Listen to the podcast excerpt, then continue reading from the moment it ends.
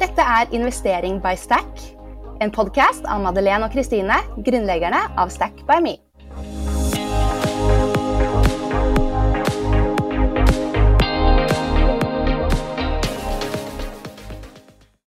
Podkasten er sponset av 247 Office, som er favorittregnskapssystemet vårt. Hallo og velkommen til Investering by Stack, podkasten hvor vi snakker om favorittemaene våre business, penger og investering. Ikke sant, Madeleine? Ja, er dette noe som interesserer deg, så har du kommet til rett podkast. Nettopp. Og mitt navn det er Kristine, og Madeleine og jeg vi er grunnleggerne av investeringsappen Stack by Me. Og i dag så har vi med oss en skikkelig rå gjest. Og merk deg ordet rå, for hun er nemlig grunnlegger og managing partner i Raw Performance, som er blant de største innen coaching i Norge. Og eh, her snakker vi mentaltrener på høyt nivå. Hun er forfatter, populær foredragsholder og er host for en veldig kjent podkast som flere av dere helt sikkert har hørt, Grit. Det er Cecilie Ystnes Myhre vi snakker om her. Og eh, det hun selv sier at hun kan hjelpe deg med, det er å hjelpe deg med å identifisere og nå ditt potensial, vokse og utvikle deg som person, og gjøre det mulig å forbedre prestasjoner gjennom mental trening, uansett hva din alder, ambisjoner og arena er. Så velkommen hit, Cecilie. Tusen takk, begge to. Veldig hyggelig å ha deg her, og det er så mye man kunne sagt om deg. Men kan ikke du eh, starte med å forklare litt i dine egne ord? Hva, hvem er du? ja, å, så stort spørsmål. Eh, nei, takk for en hyggelig introduksjon. Eh, ja, jeg er da Cecilie. Jeg kommer opprinnelig fra Kongsvinger. Men jeg har bodd nå i Oslo de siste 20 årene. Jeg er eh, mamma til Victoria på tre og gift med Knut. Og elsker psykologi, mentaltrening og ledelse, og er så heldig da å drive eget selskap og gjøre det jeg syns er mest gøy. Jeg har gjort det de siste 15 årene. Eh, så jeg vil jo si jobben er hobbyen. det tar mye tid, eh, som jeg er glad i. Og så elsker jeg da å formidle psykologi liksom ulike på ulike arenaer, ulike former. Så ja, én form er jo da via podkast, og så er det det å skrive bøker. Eh, og så er det jo da gjennom én-til-én-samtaler, foredrag og undervisning osv. Så, videre. så jeg liker eh, de, de, variasjonene som jobben min eh, kan, kan utfordre meg på å formidle faget mitt på. det. Mm. Mm. Og så må vi jo nevne at du er investor i Stack også, da. Det er jo superkult. Det er jeg. Ja. en veldig stolt investor i Stack. Ja. ja, det er veldig kult. Vi er veldig stolt selv at vi har fått med så mange kule damer på eiersiden. Ja. Veldig spennende. Ja, det er superkult. Så, ja, så vi, når vi har deg som mentaltrener på laget, så satser vi på at du skal fikse oss. Få ut alt potensialet her. Uh, og det er jo kanskje det, Apropos det, da, så er det jo liksom litt sånn myte også at noen tenker at ja, når Cecilie kommer inn i bildet, så da er det trouble. Uh, men det er jo ikke det. det, det er, jeg er jo veldig heldig om å, å, kunne jobbe med mennesker som er kjempegode på det de holder på med. Uh, men de vet også at for å holde liksom potensialet sitt oppe over tid og få til de prestasjonene over tid, så, så sitter det mye i hodet også. Finsliping av detaljer og blir bare enda skarpere og være enda mer crispy i budskapet sitt, f.eks. Så, så nei, det er veldig veldig gøy. Men det bistår dere anytime. jeg kan tenke meg at du bare har vært borti så mange historier og caser og ja, ja. shit altså. Så mye du må ha hørt. ja, ja, og det er jo et kjempeprivilegium, for jeg lærer jo av eh, enhver interaksjon da, og få lov til å være med mange i veldig mange krevende situasjoner der de står under press. Enten det er et startup-selskap eller det er en eh, ledergruppe som, eh, som, sitter med press fra seg fordi de skal ut på børsen med et eh, litt sånn halvgodt budskap, eller hva det nå er. Så utrolig lærerikt også på det personlige plan. Selv om det er ikke det jeg sitter og tenker mest på når jeg har samtalene. Ja. Du burde jo kanskje hatt en ja. Du burde jo kanskje hatt en prat med de der lederne i Silicon Valley Bank før de bare dundret ut en uh, pressemelding på at eh, Beklager, men vi må ta et tap på 1,8 milliarder, for vi måtte selge litt uh, langsiktige obligasjoner. Ha det! ja, ja, Ja. Ja. Uff a Sånn meg. Ja, virkelig. For eh, ja, du har jo coachet masse næringslivsledere, som du sier, og hatt veldig viktige og imponerende personer i podkasten din. Eh, og det at du har et godt nettverk, det er jo veldig, veldig tydelig. Men eh, vi lurer jo på liksom, hvordan startet hele dette eventyret med Raw eh, for deg? Og hva fikk deg liksom, til å satse fullt på det? Og ja, hadde du en konkret plan da du startet? Dette er jo 15 år siden, men liksom Er det nå sånn som du hadde sett for deg, eller har det blitt til litt underveis?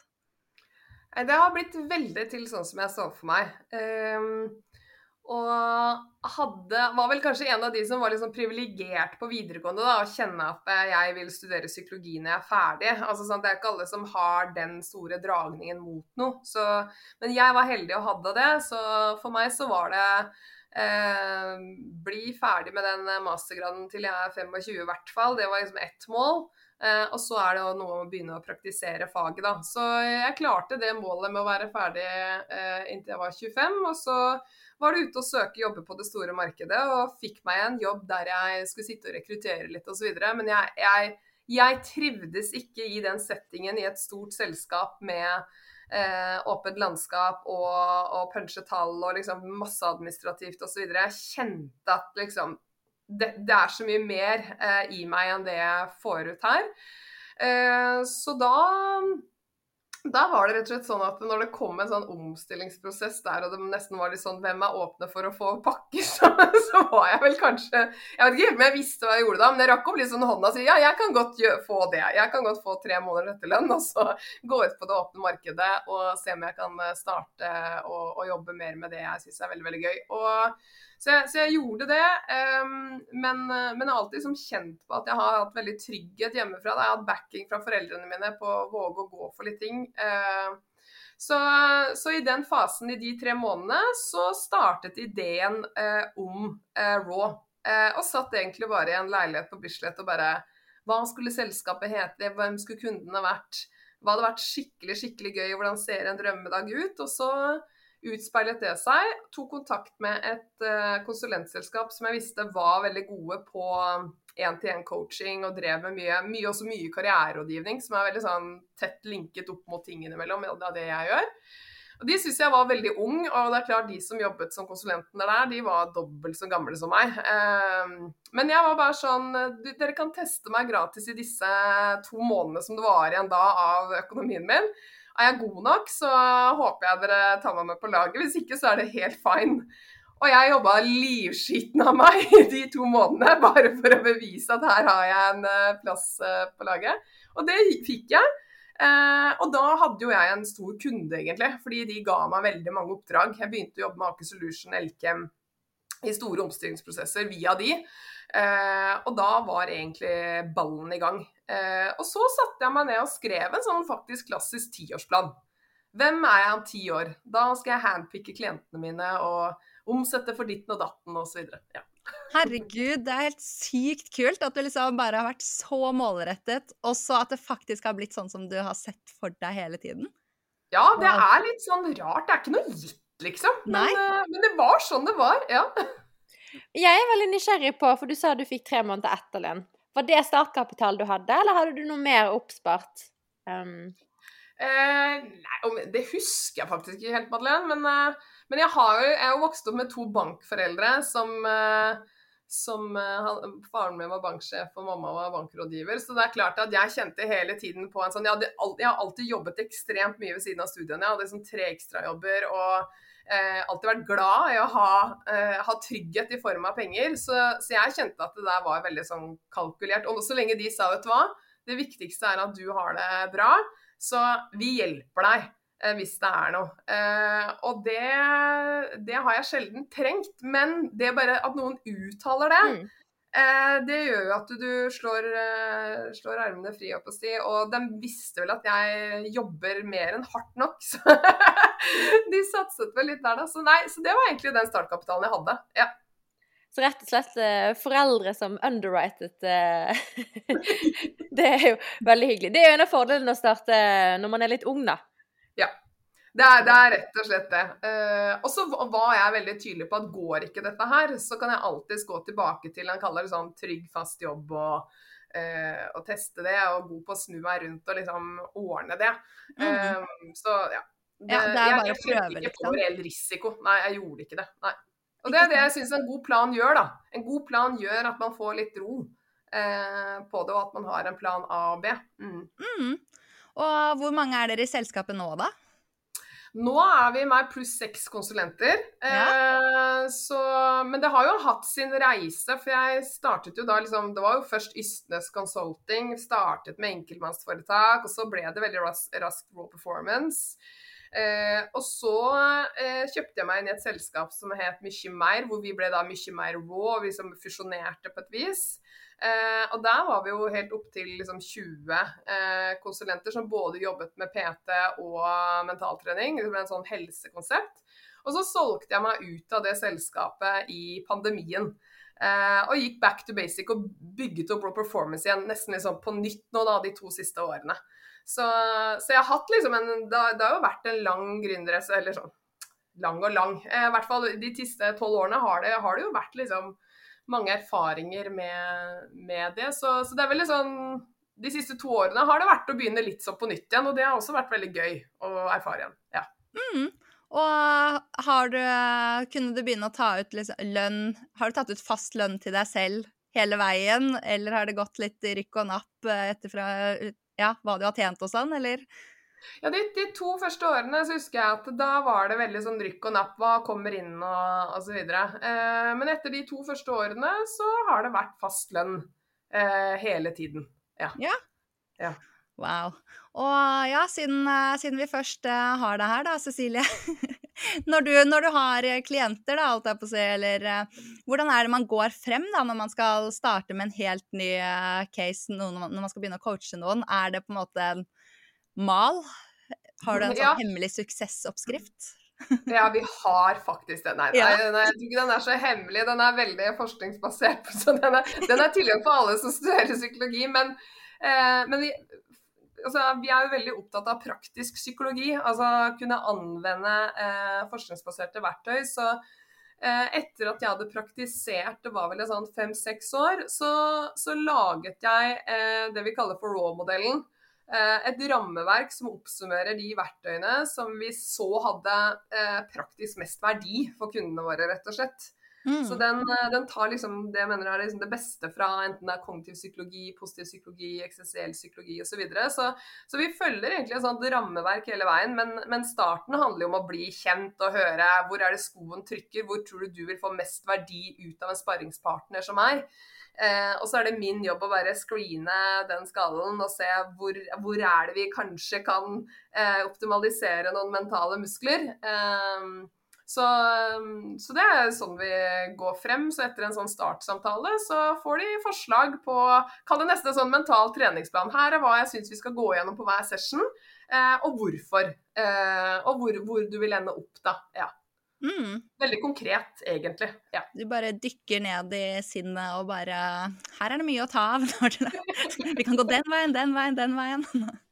Det kan gå mange veier, men, men uh, det er jo litt sånn, jeg kan gi et eksempel fordi det er offentlig uh, altså Elisabeth Grieg har skrevet en referanse i boka mi 'Stå støtt', så den er liksom grei å bruke. Uh, men det var jo en sånn dame da hun ringte, ikke sant, så blir det litt sånn OK, dette er en dame som har vært ute en vinternatt før. Ganske mentalt sterk. Og da skal jeg innrømme og tenke hva i all verden har jeg å bidra med her? altså, det, er liksom, det, går på prosenter, for hun er så sinnssykt bevisst og god. Ja. Eh, men det er jo det som er med veldig mange av disse gode, enten det er henne eller Ada Hegerberg. altså De, de er ekstremt gode og selvreflekterte rundt Oi, jeg tror jeg har mer å gå på i forberedelsene mine. Jeg tror jeg kan bli enda raskere eh, til å ta beslutninger under press. Eh, jeg trenger nå noen som kan utfordre meg mer. Altså, de er veldig gode på å gi tydelige bestillinger, da. Eh, så Uh, så nei, det, det, er ikke så mye De, de har ofte tatt dypdykket. altså, ja, andre vet, hva de. Ja. vet hva de trenger. Men hva tenker du da? Tenker du liksom sånn Å, dette skal jeg lese meg opp på, eller uh, Ja. Dette kan jeg. Nei, ja, nei, eh, i starten så var det jo mye det. Ikke Ja. sant? Altså sånn, eh, De to, tre, fire første årene så brukte jeg masse tid på å konvertere teorien som jeg hadde studert på Universitetet i Oslo i seks-sju år? Eh, til å bare hvordan bruker jeg dette i en samtalesetting. Mm -hmm. um, og, og reiste på masse internasjonale konferanser for å snakke med mennesker som leverer det her. Jeg syns det var Det er mange gode internasjonalt. Uh, så, men nå er altså, ja, Jeg burde sikkert være flinkere til det nå også, men nå er gudskjelov mye av dette automatisert. da, Så ligger, ligger det litt lagra her. Ja. ja. Nei, det er jo litt av eh, Det høres veldig kult ut. Ja, jeg syns jo jeg har verdens beste jobb, da. Ja. Gudskjelov, ja. ja, enig. Det er en veldig kul jobb. Men uh, det ble jo nevnt her også at du investerer litt i startups, uh, i hvert fall, siden du er jo investor hos oss. Uh, og dette hører vi jo gjerne litt mer om. Har du investert i flere selskaper? Du, jeg eh, har eh, siden jeg da sant, jeg vokste opp med bankforeldre, så har jeg vært i fond eh, siden jeg var født, så å si, tipper jeg. Ja. jeg, ja. Så, så, fond er jo det jeg hovedsakelig investerer i. Eh, og så var det jo litt sånn da, ikke sant. Startet Raw Performance litt på nytt. Eh, så har det gått veldig bra. Uh, og tenkte jeg OK, nå har jeg lyst til å se hvordan jeg kan forvalte overskudd i selskapet bedre. Og så dukker det jo opp da noen damer i feeden min på Instagram som kan mye om dette. Uh, og et halvt år senere eller noe sånt, så åpner dere opp for at man kan investere i. Og så tenkte jeg OK, når dere fikk meg på kroken, da tenker jeg ah! Her kan det være et aktuelt selskap. Så eh, dere er det første startup-selskapet som jeg har eh, investert i. Og så har jeg da et mål om at jeg en gang i året, litt ut fra hvordan selskapet går, så, så, øker jeg den porteføljen. Så nå er jeg på utkikk etter noen andre. Så får vi gjøre litt research og se hvem vi ender opp på nå i 2023. Ja. ja. Veldig kult. Og jeg må bare si at det, det er jo gjerne en oppfordring til alle lytterne. Fordi det var jo samme med Martine Adolfsen. ikke sant? De er jo kjempeflinke på å investere selv. Fordi foreldrene har preachet det fra de var unge, og så har de sett fondene sine og fått vite at de har det, og sett utviklingen og sett hvor bra det funker over tid. For det er jo en modningsprosess til det. Eh, så det er jo å involvere barna i å vite at de har fond hvis de har det, og gjerne hvis de ikke har det, sette opp noe. Bare så man kan følge med litt på utviklingen og lage gode vaner. Det er så utrolig viktig. Mm. Og hvordan var det for deg da, Cecilie? Har foreldrene dine snakket med deg? Har du på en måte visst at du har vært, uh, hatt uh, fondsinvesteringer hele barndommen og ja. vært involvert i det, liksom? Ja, jeg har det, altså. Eh, ikke, ikke, at vi har vært så veldig sånn nitty-gritty inn i det, liksom. Men det, Odin står jo liksom i panna på meg, føler jeg. Fordi det, det, det har de vært veldig fornøyd med. Mm. Så, så, det har vi hørt rundt middagsbordet. Eh, så ja, nei, det, det, har Men det har samtidig liksom vært veldig sånn fokus på at eh, et bevisst forhold til at skal du bruke penger, må du tjene penger. Eh, og og den der betydningen av å, av å kalle det spare, da. Og så må jeg si at jeg skulle jo gjerne sett at de var enda mer vågale eh, i å pushe meg på å kjøpe flere fond. Eh, selge og bytte litt, altså ta litt mer risiko innimellom. Eh, jeg tenker at eh, jeg kunne vært i en posisjon som kunne forvaltet det enda bedre, hadde de vært litt mer eh, vågale i hermetegn. Så, så, jeg liker jo veldig godt den approachen dere har. På, så det gjør jo at det går jo ikke nå en uke uten at jeg er inne og kjøper, selger Altså at jeg er mye mer aktiv på det. Eh, og det syns jeg både er gøy, eh, men det gjør jo også at jeg kjenner at jeg eh, når Victoria da blir stor, så på en måte håper jeg at jeg har klart å forvalte de midlene enda bedre enn det, enn det de gjorde overfor meg. da, for Det er litt sånn klassiske bankfolk også som liksom penga du har i banken også, er jo liksom tryggest, ikke sant? Mm. Så, så, så, ja. Men eh, nei. Hvis det var svar. ja, herregud. Ja. Det er så kult at uh, du følte at uh, det er trygg nok på å investere i oss, altså. Og at du nå tenker at uh, ja.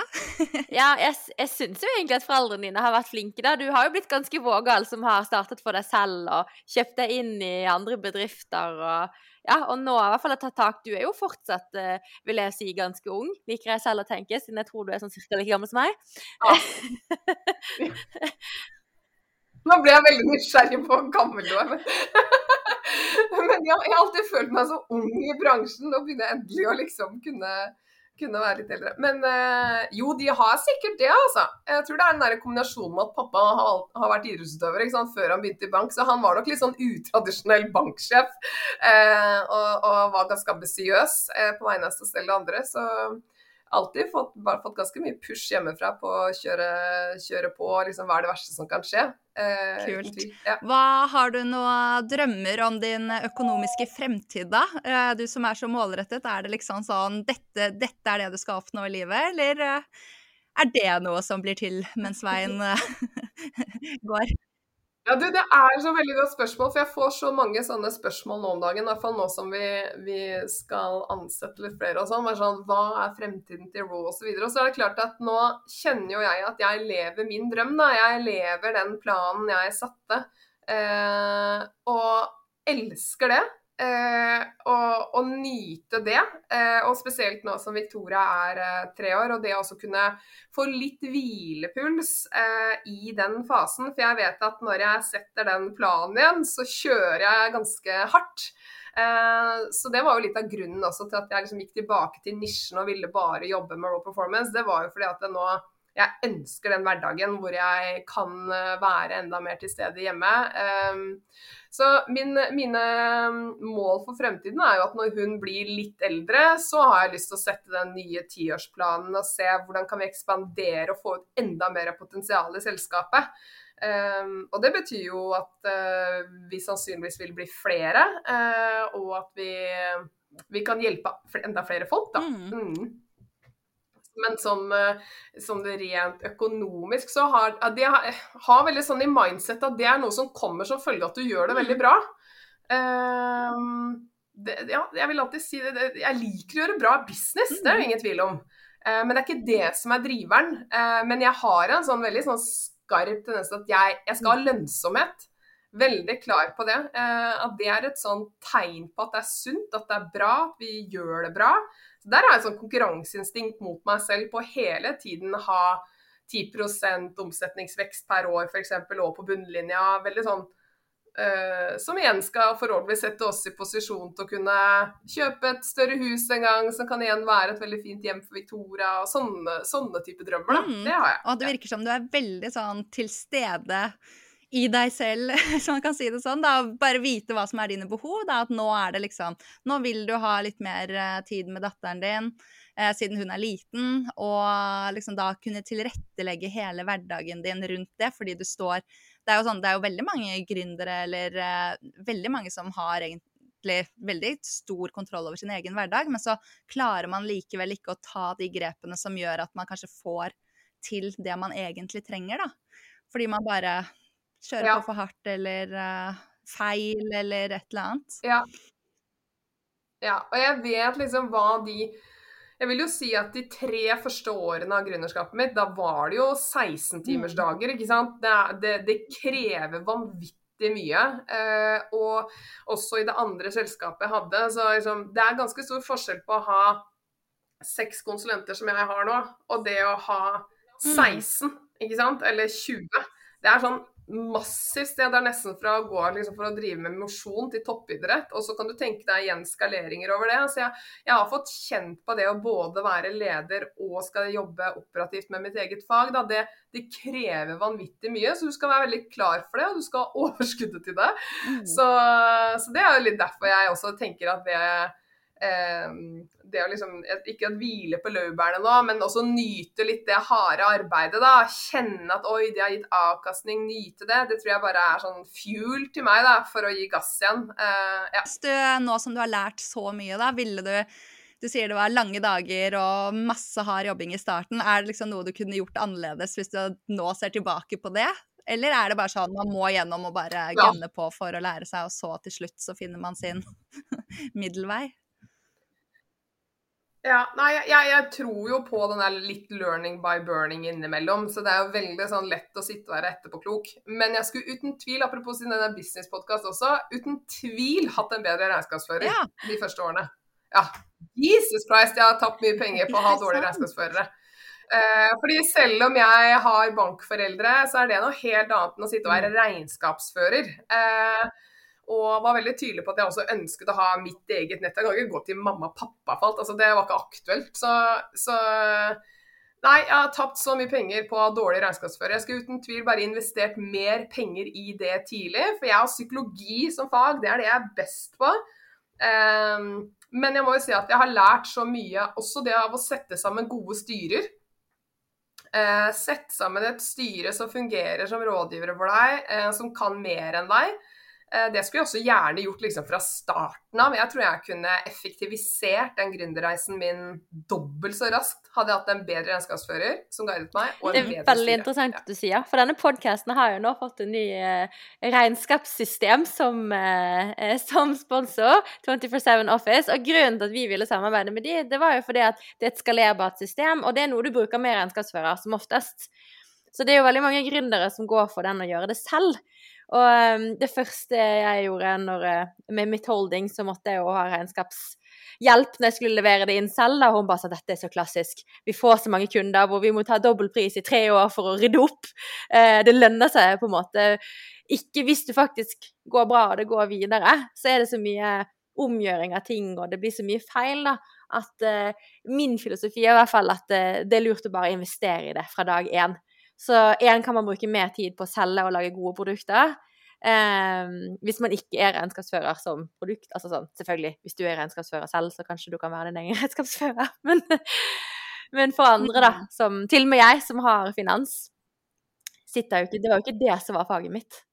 Nei, og har, vi har jo alltid veldig mye annet vi skal drive med også, så det at det blir tatt uh, hånd om, da, det er viktig for å kunne bygge bedriften sin. Mm. Ja, det er mm. kjempeviktig. Eh, det er så mye annet jeg heller skulle spart på enn den regnskapsføreren. Men jeg hadde sånn, å, jeg syntes det var skikkelig dyrt og skjønte ikke helt hva de egentlig leverte av verdi heller. Men jeg satt jo igjen og bare hadde 50 000 flere spørsmål enn klarhet, og det er jo ikke det en regnskapsfører skal legge med. Så jeg har verdens beste regnskapsfører nå i Eli fra BDO, må bare si det. Uh, og hun spiller meg så god. Jeg tror kanskje det er viktigste i teamet mitt. ja. ja.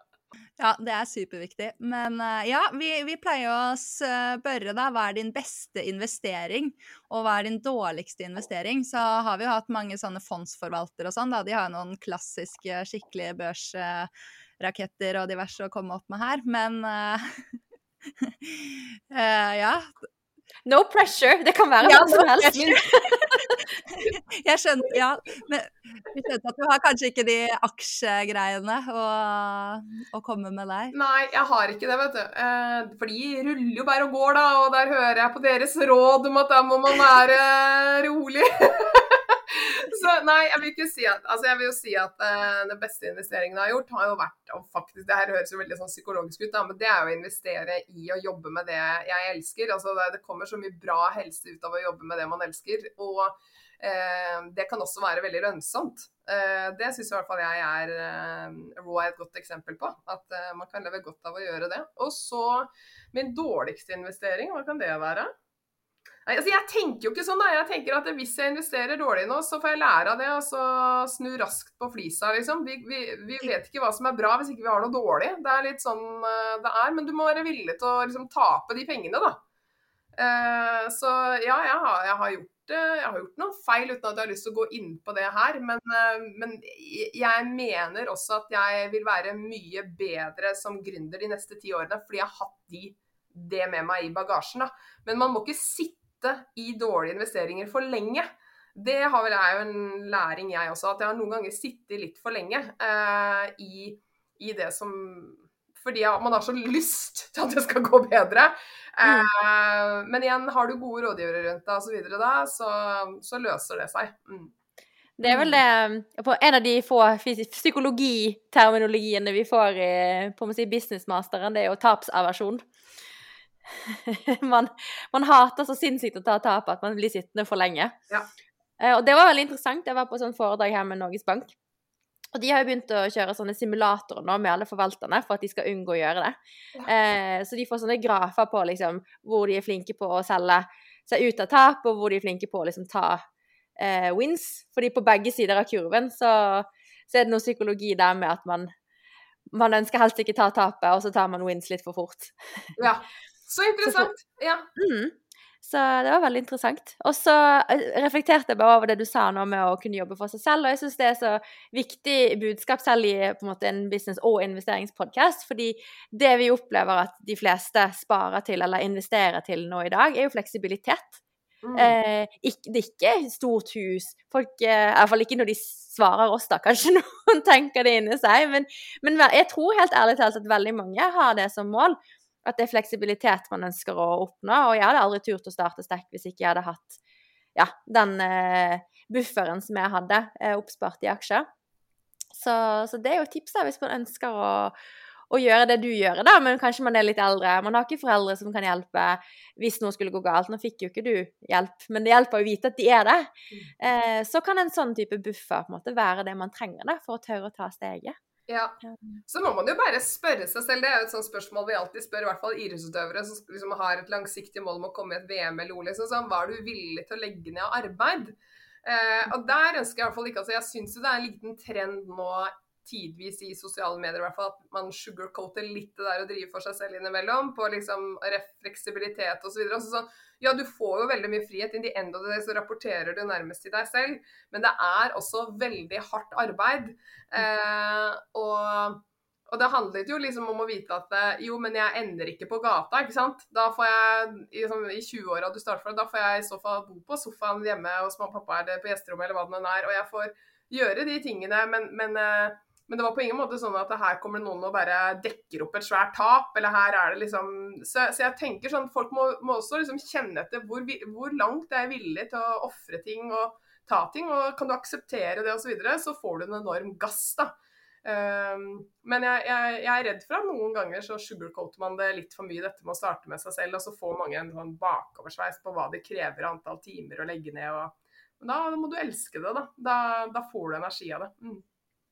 Ja, jeg må si det. Jeg har jo vært toppidrettsutøver selv, og det er tøffere å være gründer. ja. Det er liksom ekstremsport. Hvis vi skal trekke liksom linjene. Det er det. Så, så, det tror jeg er liksom viktig, uten å skremme noen fra å gjøre det også. Så må vi ikke sugarcoate det for mye heller, da. For det, men det er liksom som Martin Schutz sa da han var besøkte Grit-podkasten, liksom, at uh, hvis ikke vi i Norge tør å gjøre det, liksom, hvem skal nesten tørre å gjøre det da? Og det fins alltid liksom litt den veien inn tilbake på den hovedveien du kjørte. og en sånn metaforbilde han brukte, og det, det, kunne jeg kjenne meg veldig igjen i. Så lenge du har liksom identifisert den hovedveien og uh, den plan B eller C eller D, hva det er, så, så, skal man kunne ha litt lave skuldre i det da, og se på det som et eventyr. Mm. Mm. Ja, Martin Schutt er jo da eh, sjef for Askeladden-fondet, eh, som bygger eventyr. Ja. Eh, blant annet mm. Cutters og Dr. Drop-In og Oli og Randi. Ja. Vi har jo til og med de som regnskapsfører i dag. Ja, der ser du. Mm. Ikke sant. Ja, og det som er så kult da med deg, Cecilie, er jo at du er du er så rå selv, og du er så målrettet selv. Og hvis man skal Jeg kan jo tenke meg, nå har ikke vi liksom uh, så mange coacher og sånne ting, og uh, har så mye erfaring med det.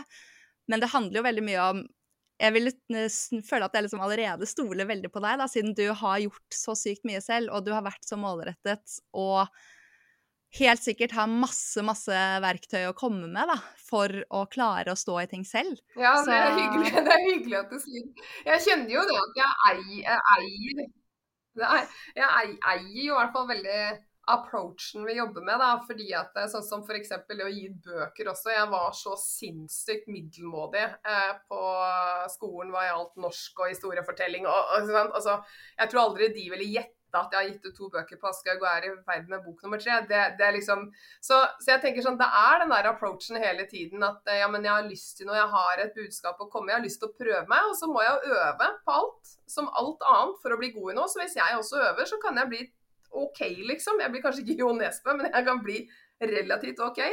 Og da kan du faktisk klare å gi ut bøker òg. Og det er litt sånn Så jeg, jeg følger veldig denne der, der at eh, vil du bli god i noe, så må du øve, og du må være villig til å legge ned arbeidet. Og så er det mange ting på den reisen som kan hjelpe deg hva gjelder eh, konstruktiv indre dialog, gode mål, eh, være god på å hvile. og liksom da kan du få til ganske mye bra. Så jeg, jeg, eh, jeg, er glad for at jeg har fått testet verktøyene eh, på sitt mest ekstreme. Eh, for da mm. hjelper det jo veldig. Og så vil jeg jo si at det også er veldig forskjell på sånn som jeg som jobber da med prestasjonsfolk, og ikke f.eks. folk i skikkelig dyp livskrise som trenger terapi. Da kan jo vår approach nesten bli litt sånn provoserende, ikke sant. Fordi det er en helt annen situasjon. Så det er en viktig digresjon å gi, da. Ja. Mm. Men apropos forskjellige situasjoner, da. Jeg tenker at det å være mentalt sterk, det er jo også veldig nyttig, selv om man er hobbyinvestor. Eh, i, du, I hvert fall når du skal lese avisene. Det er jo voldsomme overskrifter innimellom. Har du noen tanker rundt hvordan man kan øve på, eller hvordan man kan bli mentalt sterk rundt sin egen investeringsstrategi? Altså spesielt i ruglete markeder? Uh, ja, jeg tenker jo igjen at uh, det handler om å kjenne sitt eget reaksjonsmønster under press. da. Altså hva, hva, er ofte sånne automatiske negative tanker som kan komme av sånne type triggere, av headlines osv. Så, videre. så igjen, der tenker jeg at hvis du for det første har et mål og en plan med investeringene dine, så er det noe med å i hvert fall sjekke av instinktet ditt eller reaksjonen din på sånne headlines før du begynner å trykke på knapper og selge unna alt du har, at du går inn på planen din og liksom Hva var planen din? Det blir jo et sånn navigasjonsverktøy som gjør at du holder deg på stien. og det igjen, det har jo som jeg har fått printa inn ikke sant, fra barndommen, at ja, langsiktighet, langsiktighet, langsiktighet, langsiktighet. Så hvis instinktet mitt kommer 'shit, bør jeg selge', så er det den nei, langsiktighet som slår tilbake som svar. Men har du ikke et svar eller en plan, så er det jo veldig lett å bare gå på re emosjonelle reaksjoner. Så jeg vil jo si at en målplan er key. Eh, det, det, andre er liksom Er du i tvil, skap deg tid. Eh, fordi vi er emosjonelle i reaksjonene våre, og så kommer datamaskinen med logikken på banen litt senere. Så alltid eh, tenk på ting eh, hvis du er i tvil, og søk folk fra folk som er gode til det, og som er objektive i den eh, settingen der, da. Så jeg vil si plan og eh, kjenne sine mønstre og ha flinke folk rundt seg som kan ha et kaldt hode når du sjøl ikke har det. Og da må du lytte på dem. ja. Det er vel kanskje den eh, planen jeg ville lagt som er enklest for alle å følge. ja. Veldig lurt. Og jeg har lyst til å dele en liten sånn personlig historie. Og jeg følte meg utrolig dum i etterkant. Men der jobbet jeg jo for Pareto Asset Management, så med masse proffe både fondsselgere eller på en måte rådgivere, og de som forvalter fondet. Og så kom jo covid, og det gjør jeg liksom bare å få full panikk. Og snakke med mannen min, som ikke har businessbakgrunn i det hele tatt. Og vi sammen bare sånn Ja, kanskje best å selge halvparten av fondet, og liksom I retroperspektiv så var jeg sånn Hvorfor i all verden snakket med han om det? det er jo bare fordi han er en person jeg stoler veldig på, ikke sant, så jeg har sånn tendens til å bare Litt sånn som pappaen min, på en måte. Sånn, når han sier det, så er det sikkert sant, liksom. Men hvis man tenker litt rasjonelt på det, så skulle jeg jo spurt noen på jobben. Ja. Nei, var er jo ganske ny i jobben, men de var i hvert fall proffe på det. Ja. Så, så, de gjorde nok bedre valg enn meg akkurat da. Ja, men man lærer det òg. Man lærer ja. det også. Man går litt på snørra. Ja, man må det. Ja. Og det er godt å høre deg si det, da, Cecilie, for det er jo egentlig veldig mye av det samme som vi driver og preacher i sosiale medier også, at bare time in the market beats timing the market. Ja. Eh, ja. Og liksom den langsiktige planen og ja. ja. der er jo dere veldig gode på å legge fram faktaene, da, ikke sant?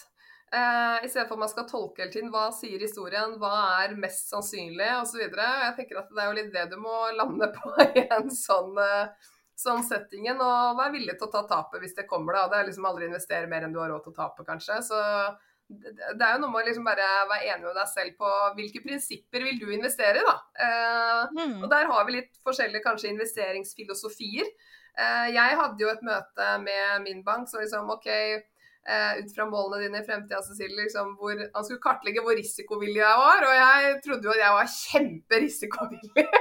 Men han var sånn Nei, jeg hører kanskje at vi skal sånn, sette deg på moderat, liksom, kontra Og det var litt sånn overraskende. men Um, vi, ja, vi er litt sånn ulike på hva, hva, vi er villige til og ikke, og det er jo fine, da. Um, tenker jeg. Ja.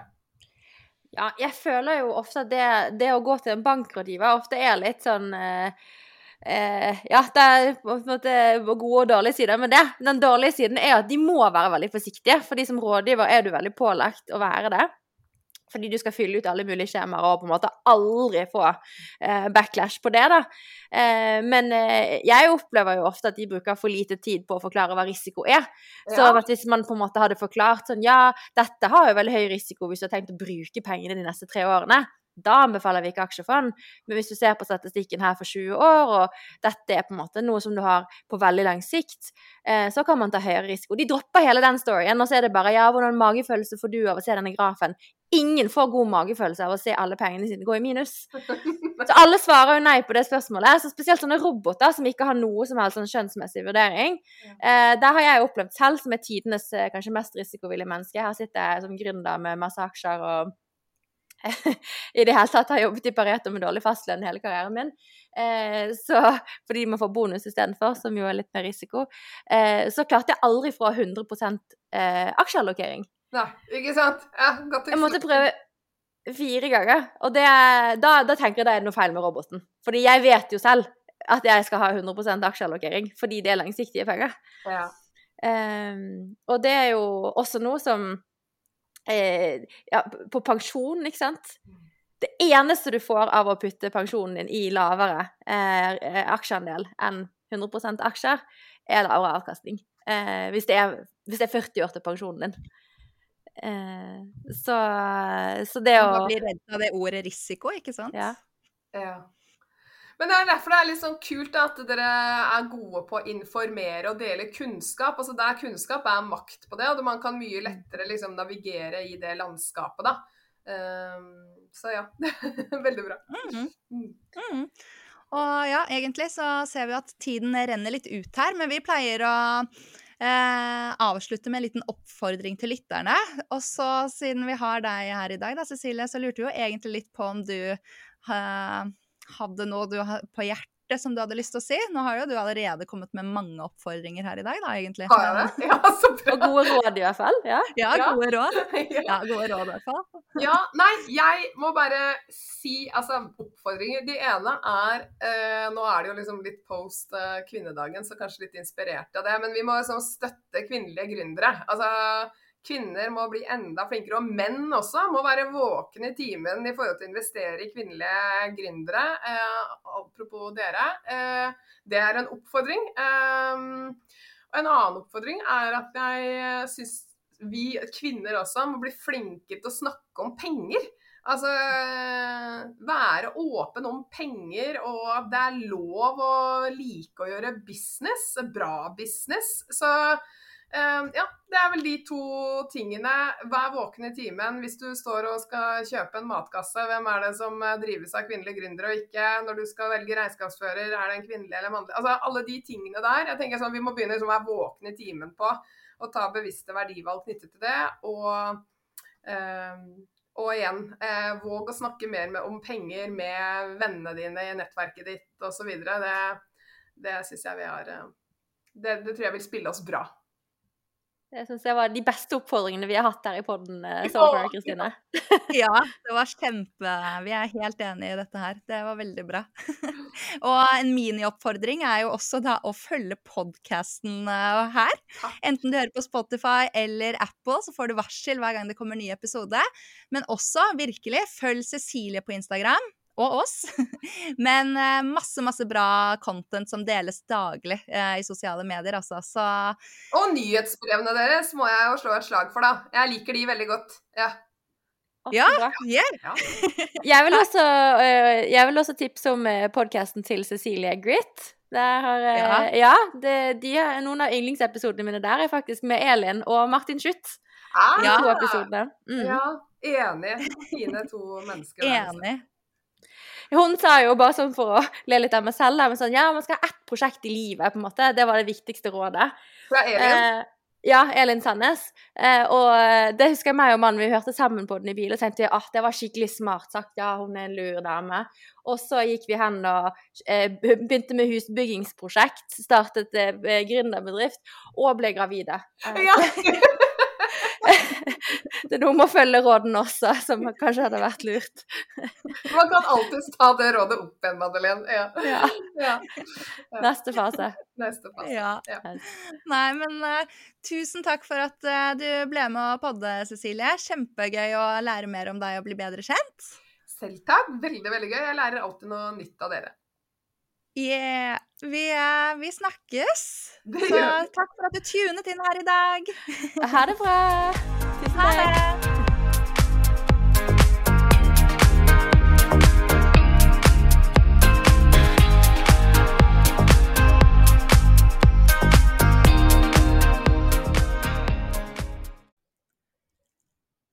Det må sies at denne podkasten må anses som markedsføringsmateriell, og innholdet er aldri en investeringsanbefaling. Podkasten er kun ment til inspirasjon og informasjon. Så innholdet i podkasten bygger på offentlige, tilgjengelige kilder som Stack anser som pålitelige, men vi kan ikke gi noen garanti for nøyaktighet og fullstendighet bak dette. Så Stack by me tar ikke ansvar for eventuelle tap som dere lyttere kan møte dersom dere bruker informasjonen som blir gitt i denne podkasten.